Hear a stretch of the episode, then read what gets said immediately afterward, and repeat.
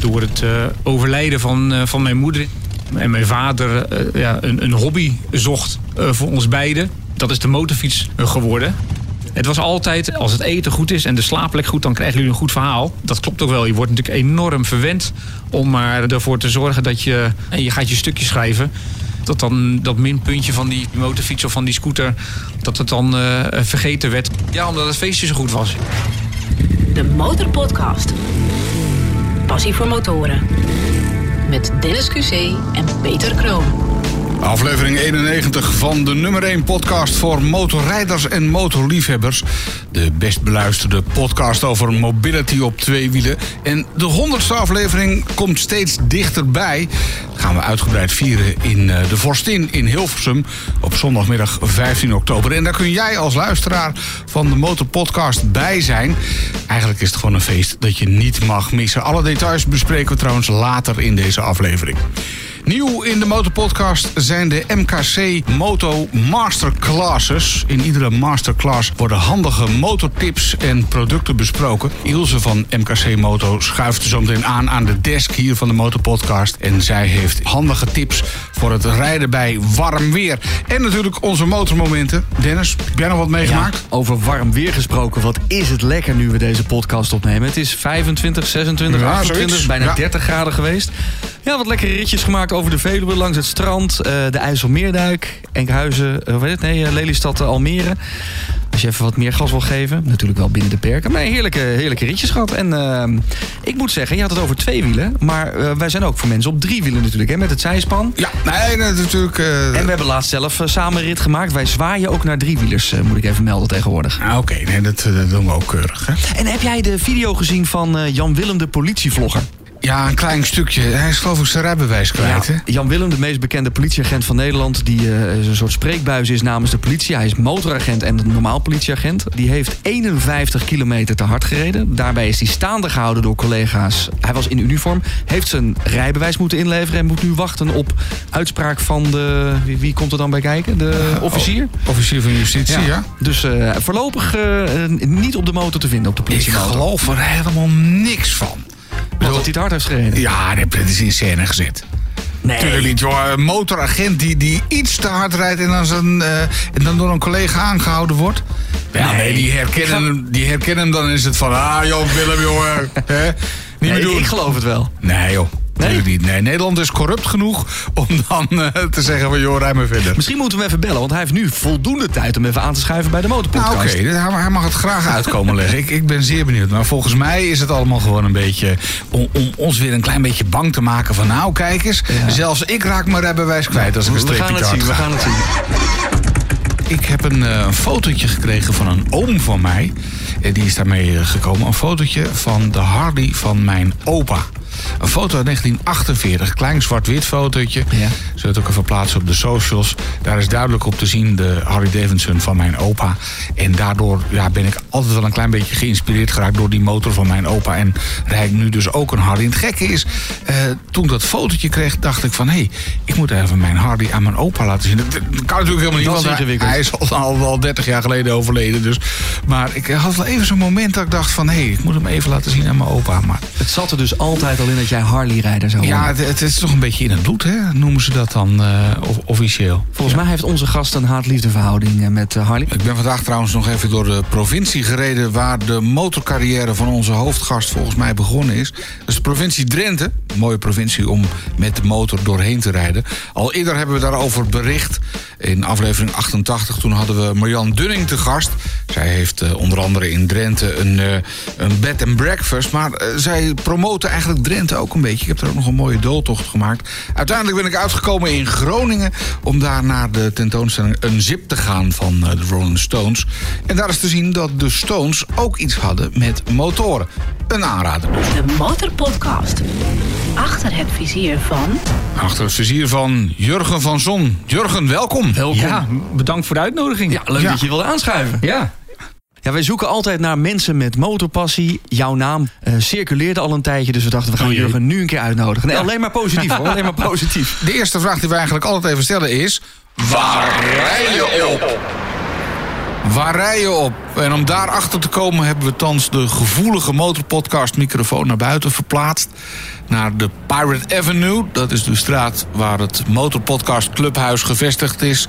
Tevens eh, de motorpodcast studio. De motor van Jurgen staat hier nu eh, op de stoep. Jurgen, zeg het maar. Waar rij je op? Ja, nou vandaag rijd ik op een, uh, op een Vogue, een 500 DSX. Een Vogue? Ja, ja, het is maar net, ja, je kan ook Vogue zeggen, maar wij noemen het op kantoor en in de volksmond, we noemen het Vogue. Ja, het is een, uh, nou ja, zoals je kan zien, het is een, een all-road machine, 500 cc. Nou moet ik je heel eerlijk zeggen dat ik dus een Vogue nog niet ken. Nee, ik had er ook nog nooit van gehoord. Nee, nou ja, ook Hij lijkt een beetje op een GS. Ja, nou, de, de link naar BMW is wel heel erg makkelijk te maken. Misschien, ja, voor, voor mij. Het is zo dat uh, Vogue wordt gemaakt door Longjin. En uh, Longjin is uh, een van de grootste tweewielenfabrikanten ter wereld. En die produceren onder andere voor, voor merken zoals BMW. Dus heel veel BMW-producten. Longjin klinkt toch een beetje Chinees. Uh, ja, dat klopt. Ja, maar dat, ja, dat is ook Chinees. En uh, ze worden ook in, in China gemaakt. Net als heel veel uh, BMW-motorfietsen en BMW-scooters. Dus dat klopt, ja. Dit is zoals die standaard uit de Chinese fabriek komt? Nou, sterker nog, er zitten nog twee koffers, zijkoffers bij. Dus hij is helemaal compleet. Ja. Maar je, je zei 500 cc, dat is niet zoveel. Ja, maar dat is in Nederland meer dan genoeg. Want je mag hier over het algemeen toch niet harder rijden dan 100. Hij gaat 140 op zijn slofjes. Ik ben er uh, een paar weken geleden mee naar Assen geweest. 200 kilometer plus, uh, eigenlijk uh, perfect. En je kan dat zien, 4,1 liter op de 100 kilometer, dus 1 op 25. Oh, dat is wel heel goedkoop. Ja. Start hem eens, we laten eens horen hoe een Vogue klinkt.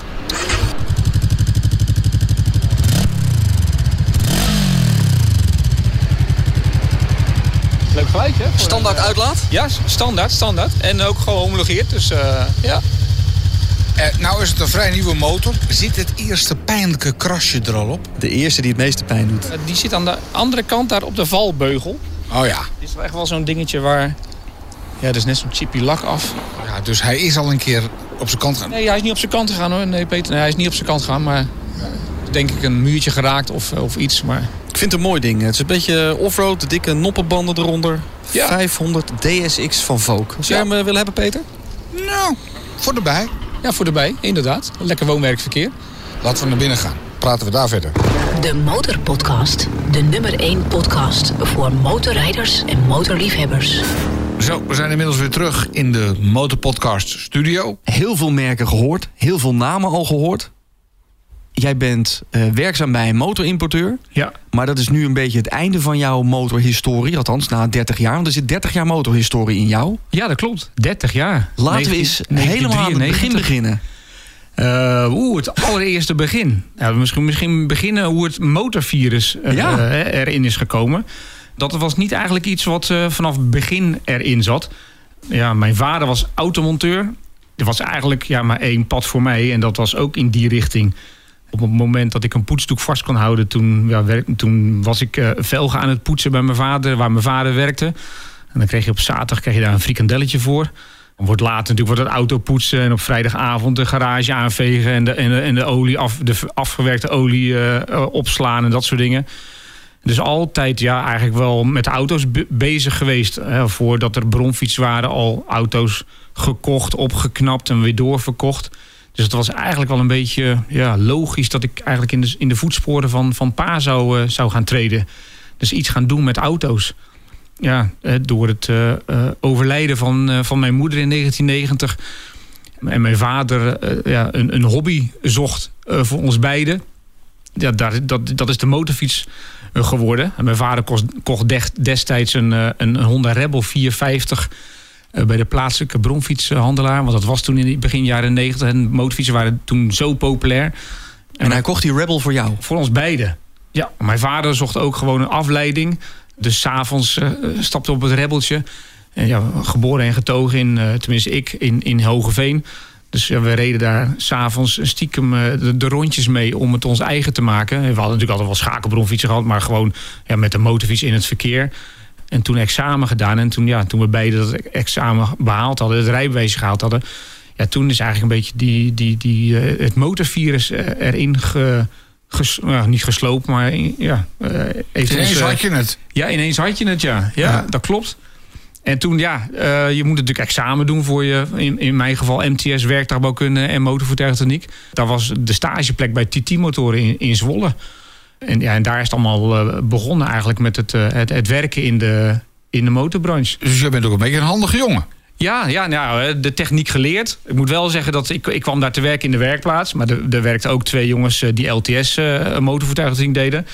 En die waren, moet wel zeggen, wel iets wel handiger erin, wil ik niet echt zeggen. Maar die hadden gewoon meer ervaring. Maar in principe kan je, kan je omgaan met dit soort dingen.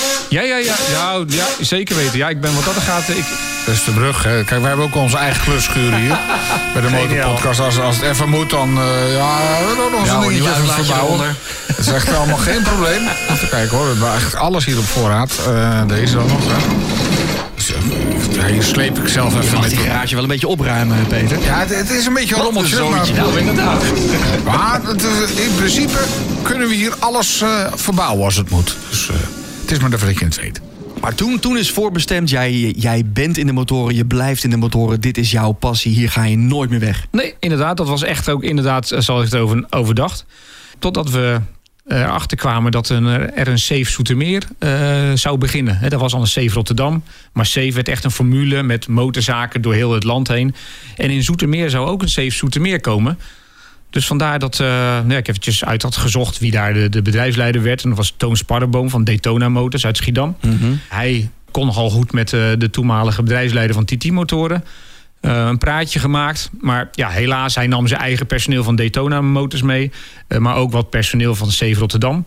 Dus ja, dat was helaas een, een no-go. Maar mijn oma die zei van... ja, maar in het dorp hebben we nog een motorzaak zitten. En eh, Hans van Wijk Motoren, geloof ik, zegt ze. Dus nou, wij een keer op een weekend eh, daar langs gereden. En inderdaad, in het oude dorp. eh, Zoetermeer. In, in Zoetermeer. Ja. Zit nog steeds natuurlijk Hans van Wijk Motoren. Ja, niet meer in het oude dorp, maar... Nee, niet meer in het oude dorp. Dus eh, ja, gewoon de stoute schoenen aangetrokken en, en Hans gebeld. En zeggen van, joh, zus en zo is het geval. Ik ben eigenlijk net van school af. MTS, ik wil, ja, maar ik wil gewoon verder in de motor fietsen. Heb jij werk voor mij? Hij zei, ja, ik heb altijd werk. De MTS, dat interesseert me niet zo erg. Hij zegt, je begint gewoon achter de balie. Balie verkopen en dan zien we wel het schipstrand. Maar ja, altijd welkom. Wanneer kan je beginnen? En ja, toen zei ik zo gekscherend van, eh, eh, nou ja, eh, volgende week. En ja, dat, hij zei, nou, dat is prima. Ja, toen moest ik even snel nog een, een kamertje regelen bij mijn oom en tante. Dus eh, ja, dat is zo gebeurd. Eh, die hadden nog een kamertje over. En toen pendelde ik eh, elke, elke, elke week zeg maar, van Zoetermeer... eh, en dan in het weekend weer terug naar Hogeveen. Maar dan sta je opeens achter een balie. Terwijl je begonnen bent in de, in de garage, onder de brug. Ja. Nooit, nooit dat gemist? Nee, nee, want het, ja, dat, dat, dat deed je eigenlijk gewoon thuis wel verder. Ja, dat is waar. Dus ja, ja, ik heb niet zo heel erg veel eigen motoren gehad, maar nog wel, wel, wel bronfietsen. Er zijn la- later ook scooters bijgekomen, maar dat sleutelen, ja. En ook aan auto's, dus ja, dat deed je dan in je eigen garage. Dus dat was eigenlijk wel een beetje. eh, ja, ja, ik vond gewoon die klant, klantencontact eh, achter de balie. eh, later het, verkopen van motorfietsen, eh, bronfietsen. Dat vond ik eigenlijk leuker dan, dan in de werkplaats staan. Ja. Ja. Maar je reed niet meer op en neer naar Van Wijk, denk ik, op die Rebel. Daar is inmiddels een andere motor voor terug. eh, Nee, nou inderdaad. Nou, niet woon-werkverkeer. Maar bij Hans van Wijk wel mijn eerste motorfiets gekocht. En dat was een, een Yamaha SRX 600. En Dat dan is zie ik jullie echt kijken zo van... Nee. Dat ken ik helemaal niet. Nou, Vier vragende ogen. ja, inderdaad. Nou, die was zijn tijd echt ver vooruit. Die moet u maar eens googlen. Eh, eh, het was een, een, of het is, een café-racer-achtig motorfietsje... met een XT600 blokje erin. Enkel alleen kickstart.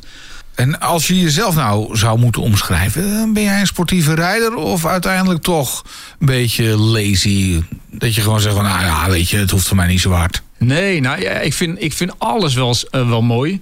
In het, in het begin, toen ik nog, ook nog haar had, eh, vond ik de, de, de supersportmachines wel. eh, je ging Wat toen, heeft dat eh, nou met haar te maken? Nee, nou ja, hoe heet het, je wilde haren verliezen, hoe heet dat dan? hè, dat. Wij wonen natuurlijk in Hogeveen. En dan ging je met je, met je OV, OV-kaart naar Amsterdam toe. Dat was natuurlijk al een hele reis. Maar dan ging je naar de Safati-straat, naar de leertent. En Daar kocht ik mijn eerste leren motorjas. Met een bijbehorend potje erbij. En een Harley bandana. Eh, de zwarte Sancho lazen met die, nou je kent ze misschien wel, met die afgestompte neus en die grote eh chrome ring aan de zijkant. Ja, dat was mijn outfit. Potje, leren jas, eh, laarzen en dan, ik weet niet. Ja. Voor- Om een of andere reden is dat het echte motorrijden. Oh, dat is voor mij juist eh, supersport. Ja, nee, dat is voor Ja, jou, ja, dat ja, is voor duidelijk. mij- maar ik, Maar ik- voor mij is het ook wel heel, eh, heel erg breed hoor. Want ik vind, Ja? Ja, Eh, er komt straks nog een vraag aan, geloof ik. Hè? Maar, eh, ja, de 100.000. Ik, zou, eh, ik ben wel eh, iemand die eigenlijk van alles wat zou willen hebben. Hè. Een adventure bike en dan ook toch nog wel een, eh, een, een racer. Dan wel een, wat, een klassieker uit de jaren 90. Maar dan ja, ook nog een, eh, een, een, een hele eh, een 500cc 1-cilinder van een bepaald merk. Dus ja, wat dat er gaat, ik, ik ben wel eh, heel erg breed eh, wat dat er gaat qua, qua, qua, qua motorfietsen. Zullen we hem er gewoon even in doen? Ja, waarom niet? De Motorpodcast. 100.000 euro voor je motorliefde. Wat ga jij ermee doen? Ja, Jurgen, wat ga jij ermee doen? Ja, Een dat heb ton. ik, daar heb ik natuurlijk over nagedacht. En eh, dan ga je in eerste instantie, ga je, eh, in mijn geval, of tenminste, dat zal iedereen hebben van eh, denken van, oh, wat ga ik allemaal voor die 100.000 euro eh, kopen? En dan, gaan, dan komen al een paar dingetjes. eh, Het, eh, op het moet wel op aan de motorliefde, hè? Nee, geen dat- frikandellen voor onderweg of zo. Nee, nee, nee, nee, nee, nee, nee, nee, dat snap ik. Hè. Een, een Honda en een RC30, hè. die VFR 750, dat is natuurlijk wel, maar ook een NR 750. Eh, Nou, wacht even, het, gaat vrij Oh, snel met de type nummers nu. Ja? Beschrijf eens even. Hoe, hoe ziet die eh, Honda's eruit? Die er dan moeten komen. Die, die, die RC, de- er moeten komen, dat is een, een verhaaltje. Want ik, er zijn een heleboel verschillende motorfietsen die ik dan eh, zou willen hebben. Mhm. Daar hoort dan die, die RC30 bij. Dat, een, een superbike, een gehomologeerde superbike van Honda. De NR750 kennen jullie misschien wel, met de ovale zuigers. Ja, dat is, dat is ook een icoon eigenlijk op, op, op, op, op superbike gebied. Maar dan wil je ze hebben omdat het iconen zijn of omdat je er ooit op hebt uit, gereden? Gewoon uit die, uit, nee, Gevoel. Gevoel uit die periode. Hè, want de, ja, begin jaren negentig, dat zijn dan toch zeg maar de, de jaren eh, waar, het, waar het mee begint met motorrijden.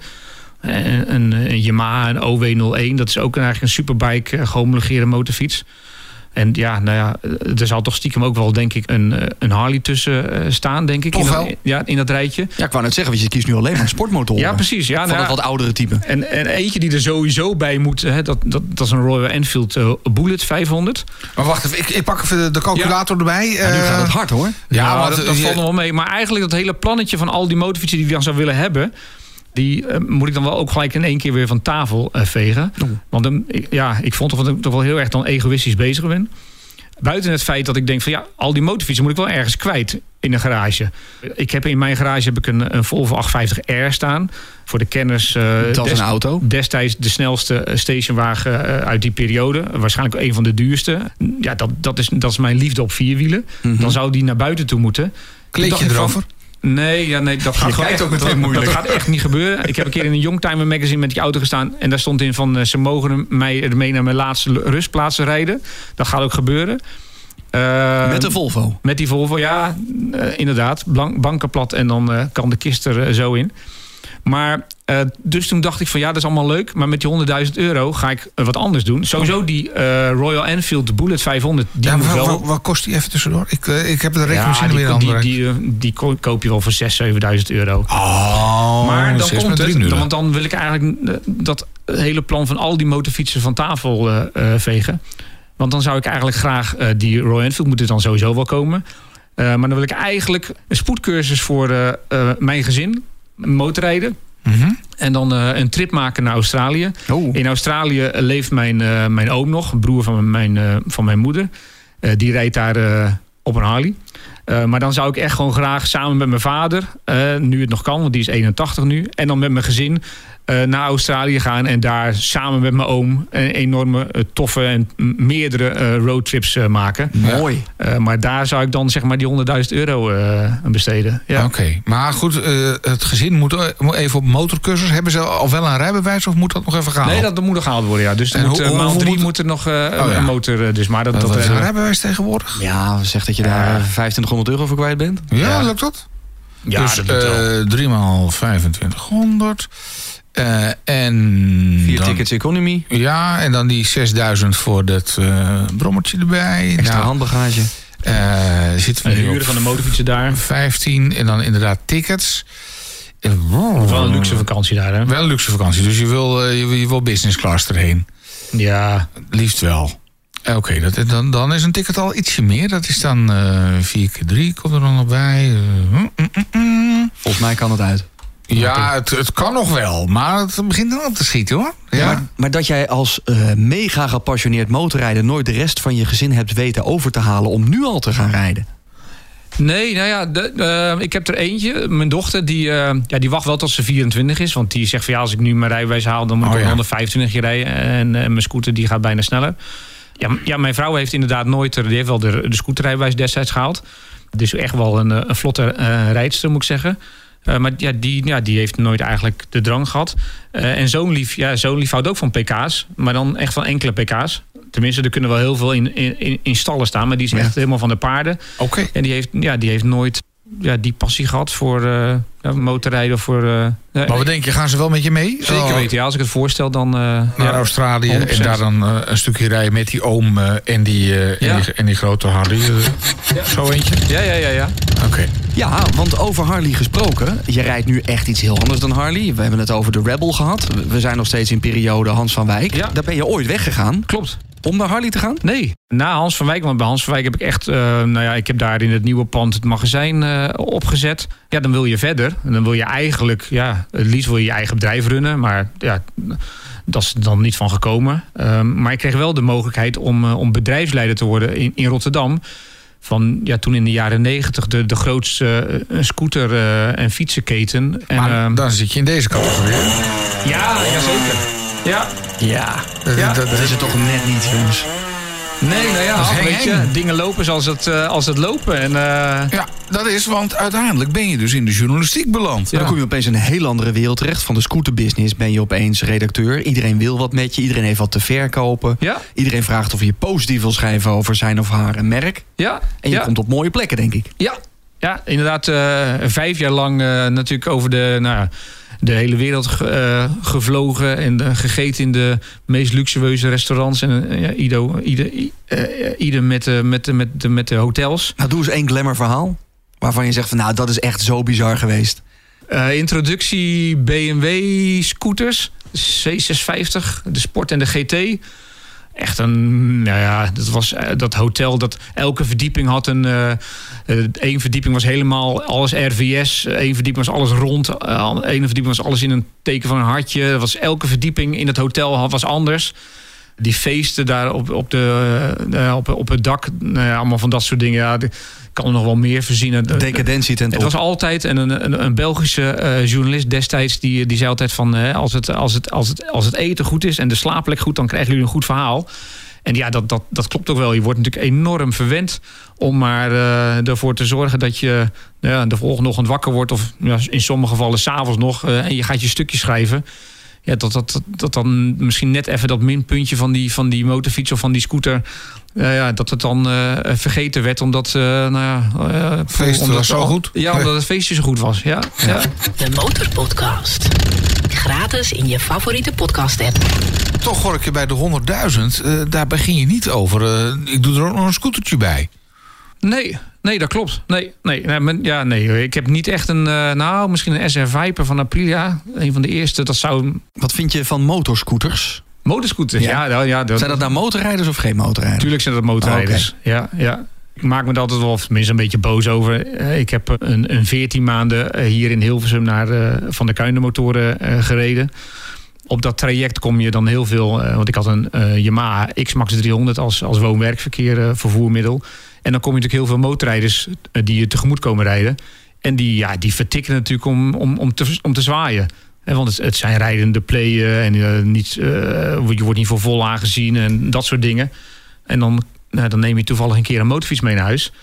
En dan de volgende ochtend rij je datzelfde traject weer. En dan zie je dezelfde man zie je weer voorbij komen. En dan moet je opeens je klauw opsteken. En dan denk ik bij mezelf, ja, ik weet niet, maar mijn outfit is toch hetzelfde. Eh, gisteren kwam ik nog voorbij op een motorscooter. Toen wou je me niet zien. En eh nou moet je opeens gaan zwaaien. Dus dan, ja, dan krijgt hij van mij gewoon de middelvinger. Ja, ja. Maar wat, wat zou dat zijn? Dat, dat, dat mensen op een scooter soms een beetje, eh, ja, niet helemaal voor vol aangezien worden? Ja, ik, Omdat je niet hoeft te schakelen?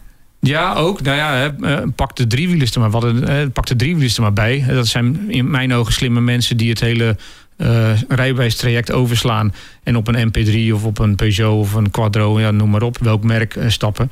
Om toch gewoon eh, ja, wel op een slimme manier van, van A naar B te komen. Zijn dat echte motorrijders? Ja, wat is een echte, echt- echte motorrijder? Die een, een persoon die een AVB en een AVD-examen heeft gedaan. Ja, nou ja, maar ja dat eh, inderdaad. Maar ja, eh, Behalve toch- dan, we hebben de discussie ook wel eens gehad... dat iemand zei, ja, ik kan medisch niet meer op twee wielen... dus Nee, ik moet dat- op drie die wielen. Nou, ook, ja. Die uitzondering maken we natuurlijk. Ja. Maar ja, ik ben van mening, als je een AVB-oefening kunt... en je bent daarvoor geslaagd, dan ben je een motorrijder. Ja, ja, ja, nou ja, ja, die die mensen op die, die driewielers... die hebben dan op een andere manier... Hè, mogen ze op, op zo'n vervoermiddel rijden. Daar kan, je wat, daar kan je wat van vinden. Nou, daar Eh, vind ik wel wat van.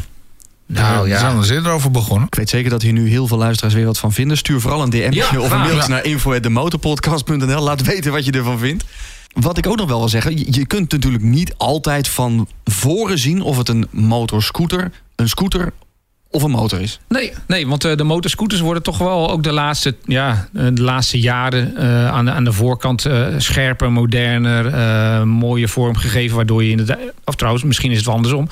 Eh, Dat bedoelde krijgen ik. de motorfietsen wel steeds meer een Oh. aanzicht dat, eh, dat, eh, dat, dat dat verandert, zeg maar. Nee, ik bedoelde meer dat je soms gewoon niet zwaait omdat je denkt, daar komt een scooter of een brommer aan. Terwijl je dan Oh. achteraf denkt, oh, dat was toch echt wel een motorscooter. Ja.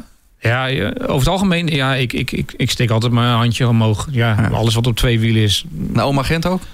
Eh, nou, dan, die- want je weet dat hij niet terugzwaaien. Dus, eh, Nou, Ik had er laatst eentje. Ja, Ja? die Ja, zwaaide terug. Ja, Jan ja. Willem? Nee, grapje. En sommige Harley-rijders willen ook niet zwaaien, maar nee, ik zwaai ook ik nu wel.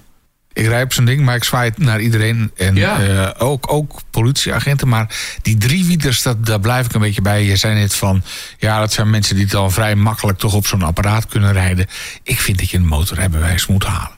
Ja, nou, destijds in, in de periode van toen ze eigenlijk net uitkwamen bij, bij Piaggio, eh, kon je gewoon gebruik maken van een, eh, een cursus. En niet echt een rijbewijs halen, maar wel gewoon een, een, een, een ja. keuze of, om, om, het, om het voertuig te, te kunnen beheersen.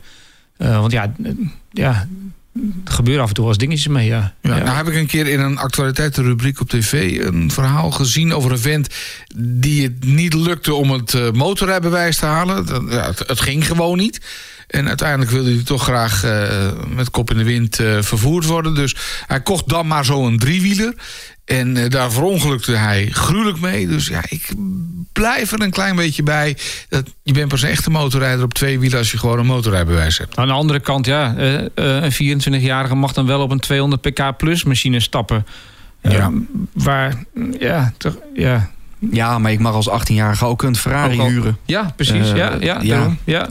Als ik net mijn rijbewijs zou hebben. Toch? Ja. Of het nou een Fiat Panda is of een Ferrari. Ja, ik nee, mag ja, nou. het met je eens hoor. Kijk, maar ja, wat krijg niks voor elkaar, maar ik mag wel. het is, eh, Piaggio had destijds echt gewoon dat je, nee, je kon gebruik maken van, eh, van, van een cursus, gewoon voertuigbeheersing, eh, om, ja, om Ja. toch dat, dat, dat voertuig te kunnen beheersen. Ja. Aflevering 91 van de Motorpodcast. De nummer 1 podcast voor motorrijders en motorliefhebbers. Een mooi motto. Everything with wheels moves the soul.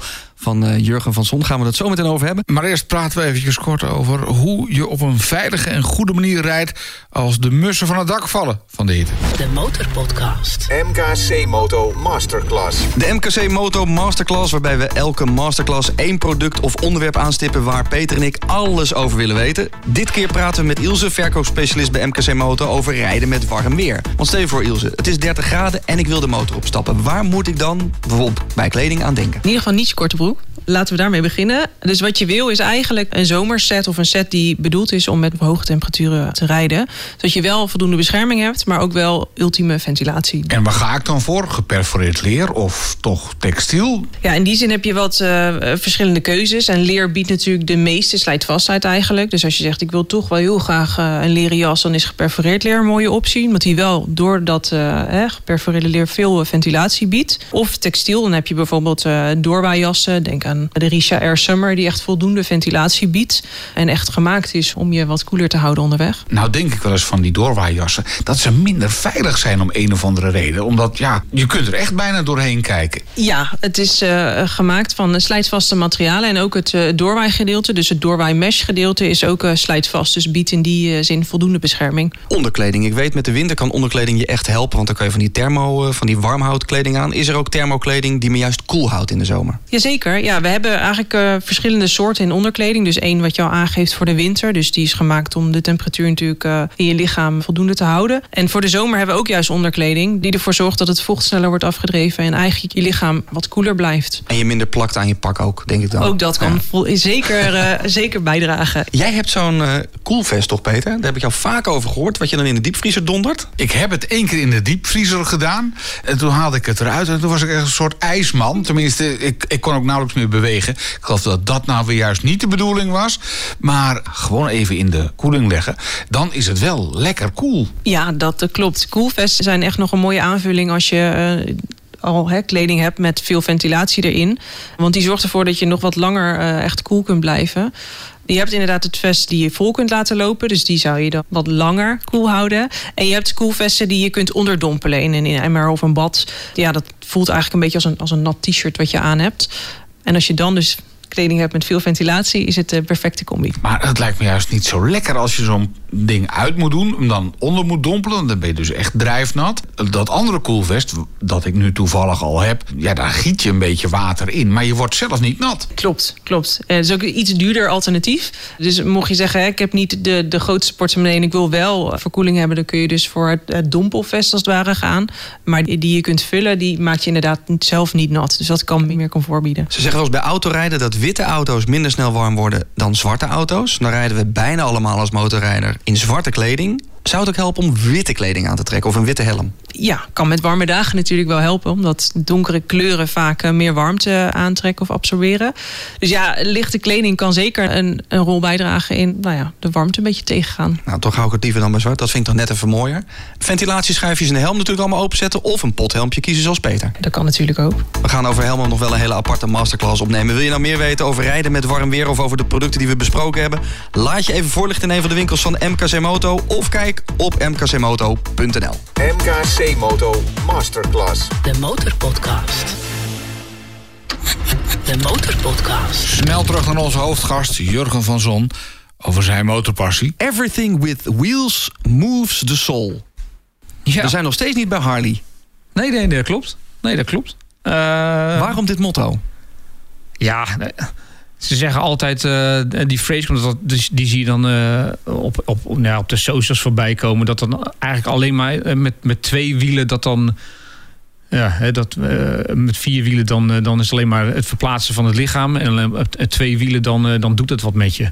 Ja, dat, ik, we hadden het net al over het, de Volvo 850R die bij mij in de, in de, in de garage staat. Ja, gedeelde liefde. Ja, ik weet niet, maar als dat start, vijf cilinders, pff, dat, die roffel, toch dat, dat, ja, dat, dat, dat, dat trillen, dat, ja, dat, dat doet hetzelfde met je als dat je op een motorfiets zit. Maar als je moet kiezen, er mag één voertuig je garage in, een motor of de Volvo? Een duivels dilemma. Ja, dat is echt een lastige. Gelukkig, hij is breed genoeg, want er staat nu ook gewoon een motorfiets naast. Hè? Nou, ja, mag nee, niet? Er mag er maar eentje staan. Je mag nog één keer tanken. Wat ga je tanken? Tank je nog één keer de Volvo vol? Of toch een mooie Harley, Royal Enfield? Ja, nee, dan, ja dan, dan, dan, tank of de ik toch, dan tank ik toch die 500 de bullet af, ja. Ja, ja daar heb ik dan, uh, als het dan toch moet. Oeh. Lastig hè, zo'n dilemma. Ja, dit is, wel, dit is echt een dilemma.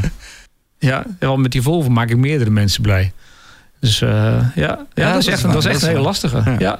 Ja. Maar je was, we zijn gebleven bij. jij was motorredacteur of uh, eindredacteur van het magazine? Ja, eigenlijk in principe alles. Hè, want ik was de, de, de, de journalist. Of tenminste, ik wil me zelf geen journalist noemen, want ik heb daar nooit. Hè, de, uh, er zijn heel veel motorjournalisten die natuurlijk daar altijd uh, gewoon voor gestudeerd hebben. En ja, zo hoog schat ik mezelf niet in. Ik kon leuke verhaaltjes schrijven. Maar ik was ook de fotograaf. We hadden gewoon een heel kleine redactie.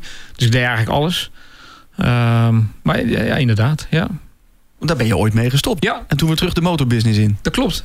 Um, als je natuurlijk een magazine maakt, dan is dat magazine ja, je eindproduct. En ik wil eigenlijk gewoon weer als eindproduct weer ja, iets met motorfietsen gaan doen. Dan klinkt dat misschien raar, want je bent natuurlijk, als je zo'n magazine maakt, dan ben je uh, ook fulltime eigenlijk. Uh, je bent altijd aan het testen. Maar op een gegeven moment, ja, na vijf jaar, dan. Uh, ja, de verandering van uh, normale verlichting naar LED-verlichting. het wordt ook wel steeds lastiger om, om over dingetjes te schrijven. Hè, kijk, als bijvoorbeeld die Japanners een heel team erop zetten dat ze de, Eh, dat ze het klaksonknopje eh, veranderen ten opzichte van je richtingaanwijzers. Dat is, een, dat is een leuk iets om te vertellen in een verhaal. Eh, zeker wat er altijd dan eh, eh, gebeurt als eh, bij de eerste volgende perspresentatie eh, twaalf journalisten eh, bij het hotel vertrekken en ze moeten links of rechts af. Want dan drukken ze allemaal op de klakson. Want die zit op een ander plekje dan de, de richtingaanwijzers. Dat gebeurt altijd. Het werd wel eh, voor mij zelfs lastig om, om, om elke keer weer ja, wat, wat, eh, wat nieuws te schrijven. En ik wou gewoon weer ja, de motorfiets als, als nieuw product of als, als, als product wat mee gaan doen. En ehm, ja, dat is toen eh, bij Motomondo eh, heeft dat zich plaatsgevonden. Eh, Motomondo was ehm, ja, onder andere ook importeur van MV Agusta. Bij MV Agusta dachten ze van, we gaan het anders doen. We gaan, eh, eh, we gaan managers, country managers inschakelen. Dus helaas ging daar het importeurschap van MV weg. Maar Jan Ikema, de eigenaar van Motomondo, eh, zorgde er wel voor dat er in mijn ogen hele toffe merken voor terugkwamen. Hij ging toen aan de slag met eh, Mesh Motorcycles. Dat kwam bij Sima vandaan, dat is een, een groot eh, Frans bedrijf. Toch ook Eh, een beetje Chinees. ja, de Frans productie was... ho- Mesh? mesh, Ja? ja. ja, de productie was hoofdzakelijk bij, van Shinere, een, een Chinees merk. Maar alle modellen kwamen wel uit het brein van Fred Fougeau, de eigenaar van Sima. Het waren allemaal ja, café-racer... ja, gewoon Lichte motorfietsen. Lichte motorfietsen, inderdaad. Een beetje Ja. retro-achtig. Ja, retro. Ja. Ja, Dat was in die tijd ja, de, de customs en de bike set begon net. Eh, je had eh, Deus en Machina met, met, met ja, gerelateerde eh, kleding. de hele ja, motor, ja, ook op motorkledinggebied gingen steeds meer naar, naar café racers en naar, naar, naar het retro. Dus dat was één merk. Het tweede merk was SWM, Speedy Working Motors, een oud Italiaans merk. wat toen ook door Chinezen opnieuw op de markt werd gebracht. En dan was er nog. Uh, Ventic, een, een Italiaans merk. Met de oorsprong eh, eigenlijk eh, ja, voor 50% een, Nederlandse eh, eigenaar. Destijds, je had meneer Henry Keppel. Was in de jaren 60 vertegenwoordiger van Grelli in Nederland. En kwam in contact met een Italiaan, Agrati.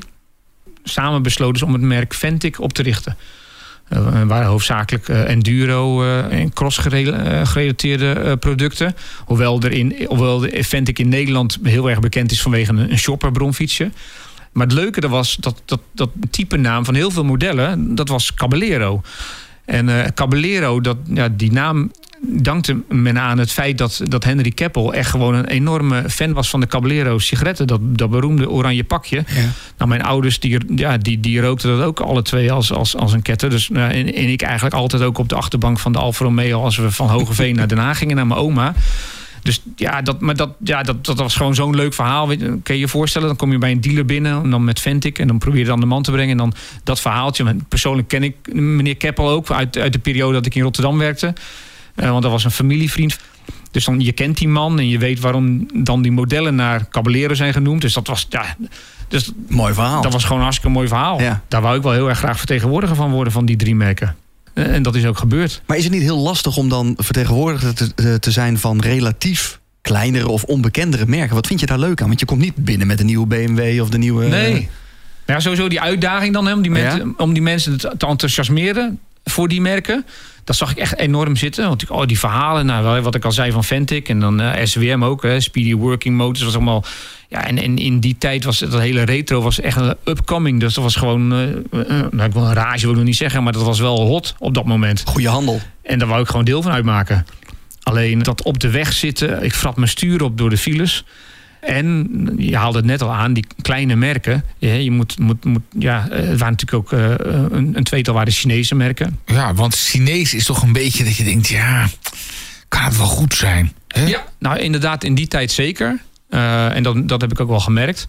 Want, eh, ja, je kreeg toch wel heel, eh, heel eh, snel altijd de deur die voor je dicht viel. Dat, ja, dat mensen zeggen, ja, maar dat, we beginnen niet aan die Chinese rommel hoor. Dat, dat doen we allemaal niet. Jij ging gewoon langs dealers en motorverkopers en zei je van, hier is het nieuwe mes. Ja, ja, Fantastisch. Een busje en dan de modellen achterin en dan laten zien en dan rijden. En ja, kijk, dan kom je wel natuurlijk ook achter dat in Nederland het dealerschap of, dit, wel heel anders is als bijvoorbeeld in het buitenland. Je hebt daar er zijn natuurlijk bepaalde merken die zeggen van ja, eh, wij willen geen concurrentie. Eh, als je dat merk begint, dan, eh, dan, dan stoppen wij. Of dan, dan krijgen we minder Oh ja. marge. Dus ja, kijk, weet je, als, iedereen, als iemand binnenkomt eh, voor een Yamaha, een Honda, Suzuki eh, of een Kawasaki.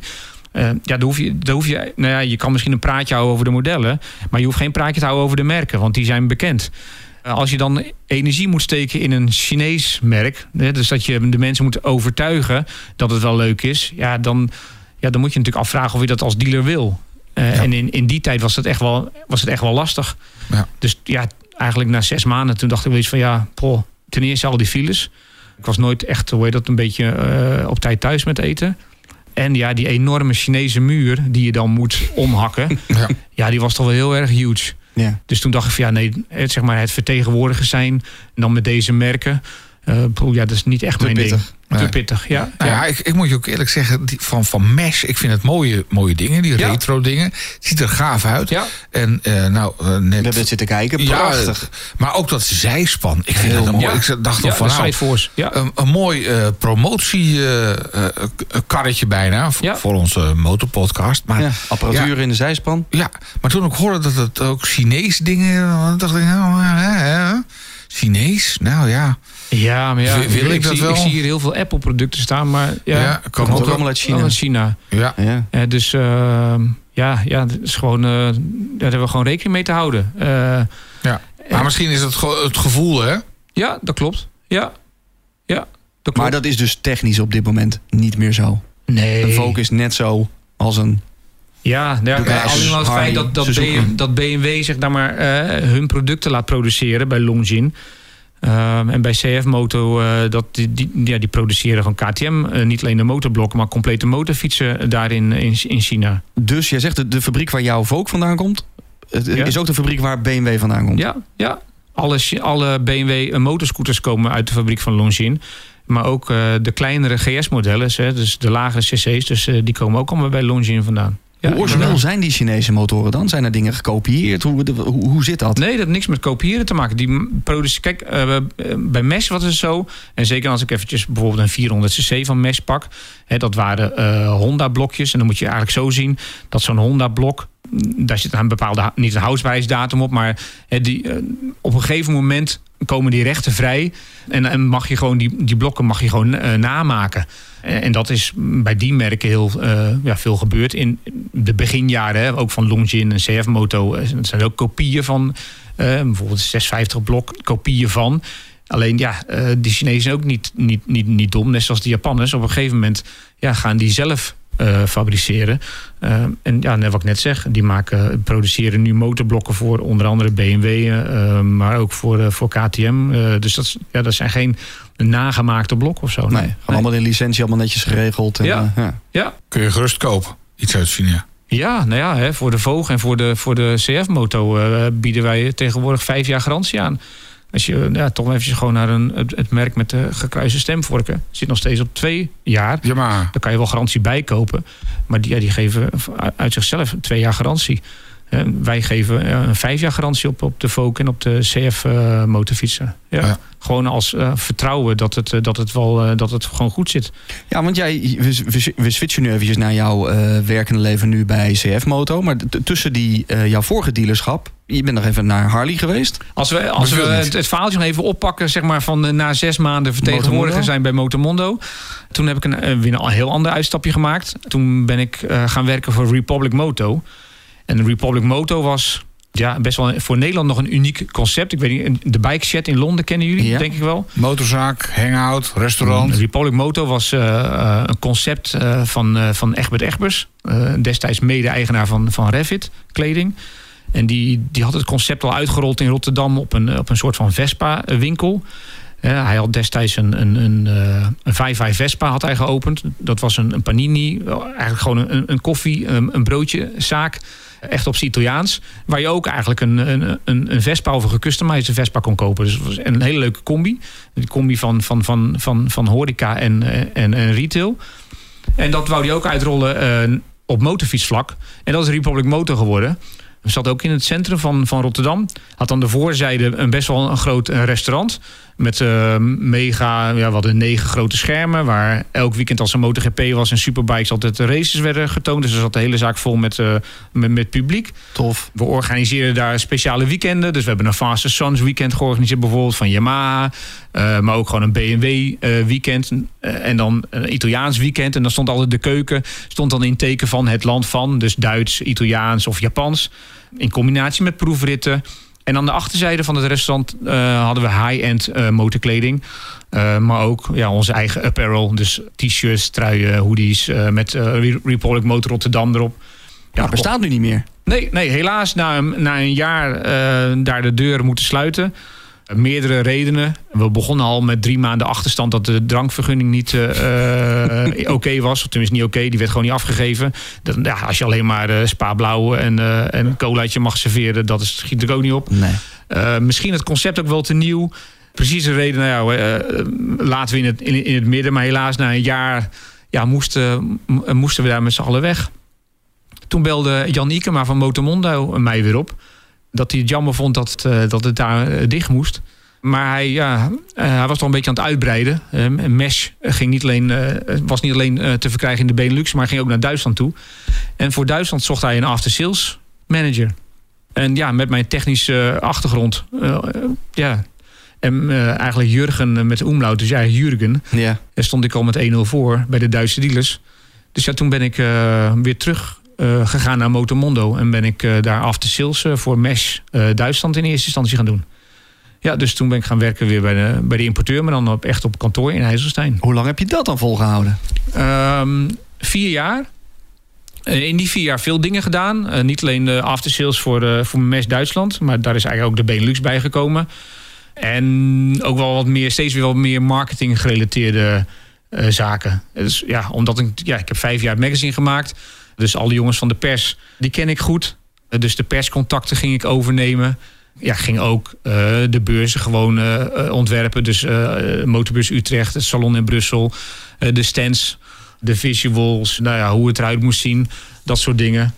persintroducties gaan doen die dan in, in de Benelux gehouden werden. Dus al dat soort dingen. Dus wel steeds meer marketing gerelateerde activiteiten.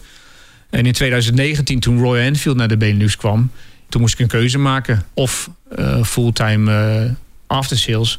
Of toch uh, marketingactiviteiten. Want je hebt iets met Royal Enfield, hè? Familiedingetje. Ja, ja Royal Enfield. ja, niet alleen de tatoeage hier op mijn pols. Ja, er zit een bloedlijn met een familielid met Royal Enfield. Nou, vertel. Ja, dat is wel een heel leuk verhaal. Een oud-oom van mij, Joop van, Hoos, van Heusden, ook wel Motor Joop genoemd. Snelle Joop, toch? Snel was hij zeker. Hij was destijds echt heel erg uh, bezeten eigenlijk van de, van de DKW RT98. Dat was destijds uh, ja, wat, wat de elektrische fietsjes van nu. Dat waren motorfietsjes die minder wogen dan 60 uh, kilo in verband met, met de belastingen toen. En hij modificeerde die. nou, hij reed er rallies mee. hij heeft de de zesdaagse in Schotland ermee uh, gereden. Dus dat, wat, ja, die DKW RT98, dat was echt helemaal een zijn, zijn ding toen hij bij, uh, bij Stokvis in, in Rotterdam uh, werkte. Dat was de toenmalige importeur van, van DKW. hij schreef ook voor het Weekblad Motor. Dat is ook eigenlijk een beetje hoe ik erachter ben gekomen dat, nou ja, dat, dat er iets, het schrijven voor motorbladen, dat het in de familie zat. En dat het toch nou ja, ook een beetje motorbloed al in, aan de andere kant van de familie zat, van mijn moeders kant eind jaren 30 kwamen de Duitsers erachter dat, uh, dat de firma Stokvis, uh, dat de directie uh, Joods was. En toen hebben de Duitsers ervoor gezorgd dat het DKW-importeurschap af werd genomen. En toen zaten ze bij Stokvis echt wel met, met de hand in het haar. Van ja, wat nu? onze elektrische fiets, ons best verkochte product, wordt nu afgenomen. Ja, wat nu? Toen hebben ze mijn oom, mijn oud-oom geraadpleegd. Van joh Joop, uh, jij bent zo, uh, uh, ja, je weet alles van die DKW RT98. kan je die tekenen, kan je die namaken? Zodat we met die tekeningen naar een fabrikant toe kunnen om, om hem na te maken. Dat we toch ja, de oorlog door kunnen komen. Dat we, dat we ons ja, best lopende model weer terugkrijgen. Slim. En toen hebben ze meerdere fabrikanten geraadpleegd. Maar dat is uiteindelijk Royal Enfield geworden. Dus in 1939 gingen ze de plas over. Eh, naar Redditch. En eh, ja, daar is eh, uiteindelijk de, de, Royal, de Royal Baby, de RB125, eh, uit, uit voortgekomen. Op basis van die tekeningen van Joop. Ja, ja, ja, mijn auto heeft, ja, die heeft ervoor gezorgd dat, dat die Royal Enfield toen eigenlijk tot leven werd gebracht. Ja. Alleen ja, toen brak, toen brak de oorlog uit. En ja, waren er eigenlijk geen consumenten meer waar je die motorfiets aan kon verkopen. Toen hebben ze bij Royal Enfield, en dat is want de, de meest beroemde Royal Enfield is eigenlijk de, de Flying Flea. Eh, dat is de, ja, een, het 125cc motorfietsje wat in een krat uit de, de DC-3 vliegtuigen gegooid werd naar beneden toe voor de grondtroepen. Eh, De grondtroepen kregen in eerste instantie altijd fietsjes naar beneden geworpen. Maar die, nou, die, die, die kwamen nooit heel, eh, of tenminste kwamen wel heel als fiets beneden. Maar als ze landen, dan wa- waren ze gauw kapot. En hoor je dat eh, op een fietsje door die modderige eh, akkers eh, fietsen, dat was ook niet. dus toen werden die, ja, die, die Royal Babies, die zijn eigenlijk allemaal omgebouwd en lichtelijk gemodificeerd. Zodat ze als een Flying Flea verder konden. Dat is, ja, dus dat is zeg maar de beroemdste Royal Enfield eigenlijk in de basis. De motorfietsjes die mijn oud-oom heeft ontworpen. Dat is wel... En dan eh, moesten ze eh, soldaten die dingen uit het kratje halen. Ja. En dan konden ze hem snel in elkaar Ja, zetten. ja. eh, en er waren echt allemaal foefjes voor. Hè, dat, eh, dat het carburateurtje heel bleef. En dat de benzine ook eh, erin bleef. En dat het stuurtje makkelijk eh, rechtgezet kon worden. Ah, dus, een soort ja. vouwmotor. Ja, nou ja, als je hem ziet, het, het frame en de wielen, alles zat erin. Maar er was ook een heel mooi, mooi kooitje wat ze eromheen eh, bouwden. Dus dat is echt, eh, ja, en, en toen dan in 2019 hè, kwam dan Royal Enfield naar de Benelux. En 1939 eh, ja, eh, werd hier eh, die Royal Baby onthuld. Dus het was precies 80 jaar later dat, zeg maar, dat, dat het weer terugkwam in de familie. Dus ja, dat, dat 2019 Royal Enfield introduceren op de Benelux-markt was echt wel een dingetje voor mij. Ja, ja. Ja. dat klopt. Nog steeds hoor. Ja. Heb nog steeds een zwak voor het merk. Maar toch ga je voor 100.000 dan niet een mooie Royal Enfield eh, Jawel, ik had die Bullet. eh, Oh, dat is waar, dat is ja, waar. Je hebt gelijk, ja. je hebt gelijk. De, de Bullet eh, staat echt eh, hoog op mijn verlanglijstje. Ja. Ja, dat is materialistisch geluk. Hè? Maar de- een bucketlisting. Iets dat je nog moet doen met de motor. Ehm, ja, nou, ik, heb, ik, ben, ik ben destijds in 2019 naar India geweest.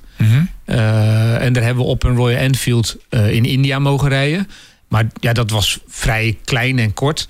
En ik weet dat ja, er zijn hele mooie reizen. Hè, bijvoorbeeld op een, op een Royal Enfield op een- of op een Bullet of een Classic of op een Hi- Himalayan. Eh, daar echt gewoon de bergen in.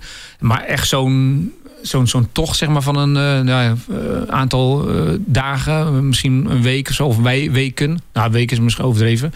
Maar dat lijkt me nog wel, eh, dat wil ik echt wel een keer doen. Weer terug. Bucketlist dingetje. Ja.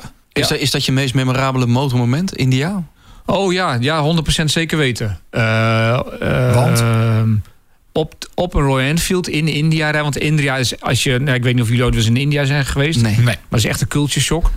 Eh, qua armoede, maar gewoon, ja, gewoon, je kan er daar geen voorstelling van maken. Maar om dan in zo'n land waar, waar de Royal Enfield echt wel gewoon... eh, de, de, de Fransen zijn chauvinistisch als het gaat om eh, Franse voertuigen. Eh, maar de Royal Enfield is daar echt wel gewoon... eh, ja, ook wel een beetje verheven als eh, de motorfiets. Eh, we zijn daar bijvoorbeeld naar Rider Mania geweest. Dat is eh, een event vergelijkbaar met BMW Motorrad Days in Garmisch-Partenkirchen. Er komen alleen maar BMW-rijders, tenminste komen ook andere. Maar dat, daar komen echt gewoon duizenden, duizenden Royal Enfield-rijders bij elkaar. Alleen maar Royal Enfield, om, om, om feest te vieren, om, om, om, om nou ja, echt leuke dingen te doen met de motorfiets. Eh, daar zijn we toen geweest. Ja, dat is gewoon, ja, dat is gewoon, dat is gewoon zo, zo gaaf. Ehm, en destijds ook, nou, we hebben ehm, in India eh, zijn we geweest ook eh, met, de, met de Franse importeur. Wat, met wie was je daar? Ik was er met Jan Niekema, eigenaar van Motomondo. Eh, hè, dus, en dan ehm, ja, de delegatie van de Franse importeur van Sima. En ook met, met de eigenaar van Sima, Fred Fouchot. Ja, die is onlangs helaas door een noodlottig ongeval overleden. Eh, maar om, dan, om daar nog, zeg maar, samen met hem eh, op een Royal Enfield eh, door die straatjes te rijden. Dat was echt, ik heb onlangs nog even een filmpje gezien waar, waarbij ik een film dat hij dan echt gewoon zo naar me toe komt rijden en even een beetje stoer doen en dat soort dingen. Ja, dat, dat, dat ritje daar in, in, in, in, in India, eh, dat, ja, dat is wel op dit moment het meest memorabele Motormoment. motormoment. Ja. Ja. ja, er zijn natuurlijk nog wel veel meer, maar ja, als er eentje is waar je dan een speciaal, ja, een speciaal moment bij hebt, is dat het wel. Ja, 100%. Je, je moet echt nog even blijven zitten, want we moeten... We kunnen wel zes nabranders opnemen, joh. Ja, ja want eh, de, de, de podcast zit er bijna op. Maar blijf inderdaad nog even zitten voor, eh, voor de nabrander. Speciaal voor vrienden van eh, de Motorpodcast. Ja, want we hebben jouw Harley-avontuur ook nog helemaal niet aangeraakt. Dus Nee, we moeten het ook nog over Nee, hebben. en, en, en, en burn-outs en dat soort toestanden, dat moeten we het ook nog even over hebben. Maar dat Burnout, dat vind ik echt zonde van het rubber. Ja, nee, dat... eh, Over burn-out gesproken. eh, wordt niet gewaardeerd als je dat voor de deur doet van de Vorstin in Hilversum op 15 oktober. Want vergeet niet, we gaan op zondag 15 oktober het theater in. Poppodium De Vorstin in Hilversum. Ja. Er kunnen een paar honderd man in. En ik moet zeggen, de ticketverkoop gaat hard. Dus als je erbij wil zijn, ga dan naar de motorpodcast.nl en koop je ticket voor maar 5 euro. Het wordt een leuke middag, want we gaan een aflevering opnemen met speciale gasten. We gaan een nabrander opnemen. Daarin worden wij geïnterviewd. Ja. Eh, je kunt je motorvering laten afstellen als je met de motor komt door Alice Dijkhuizen. Die gaat ter plekke naar je vering kijken en zorgt ervoor dat je met een veel betere motor weer naar huis gaat.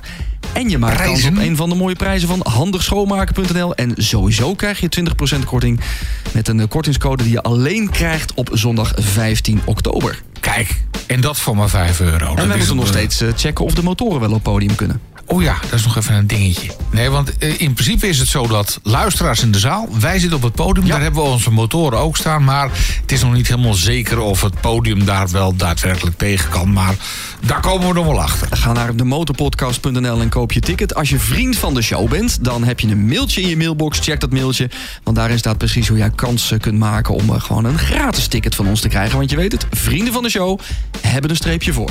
Over vrienden gesproken. Eh, ja, we hebben Nieuwe vrienden erbij, hè? Nieuwe vrienden. Dankjewel Bernie Eggink, Thomas van de Merwe en Mitchie Mits... voor het zijn van vriend van de show. En vrienden van de show kunnen dus naar de nabrander met Jurgen luisteren. Want Jurgen is nog lang niet uitverteld over zijn motorpassie. Als je nou nog geen vriend van de show bent, word het dan snel op demotorpodcast.nl.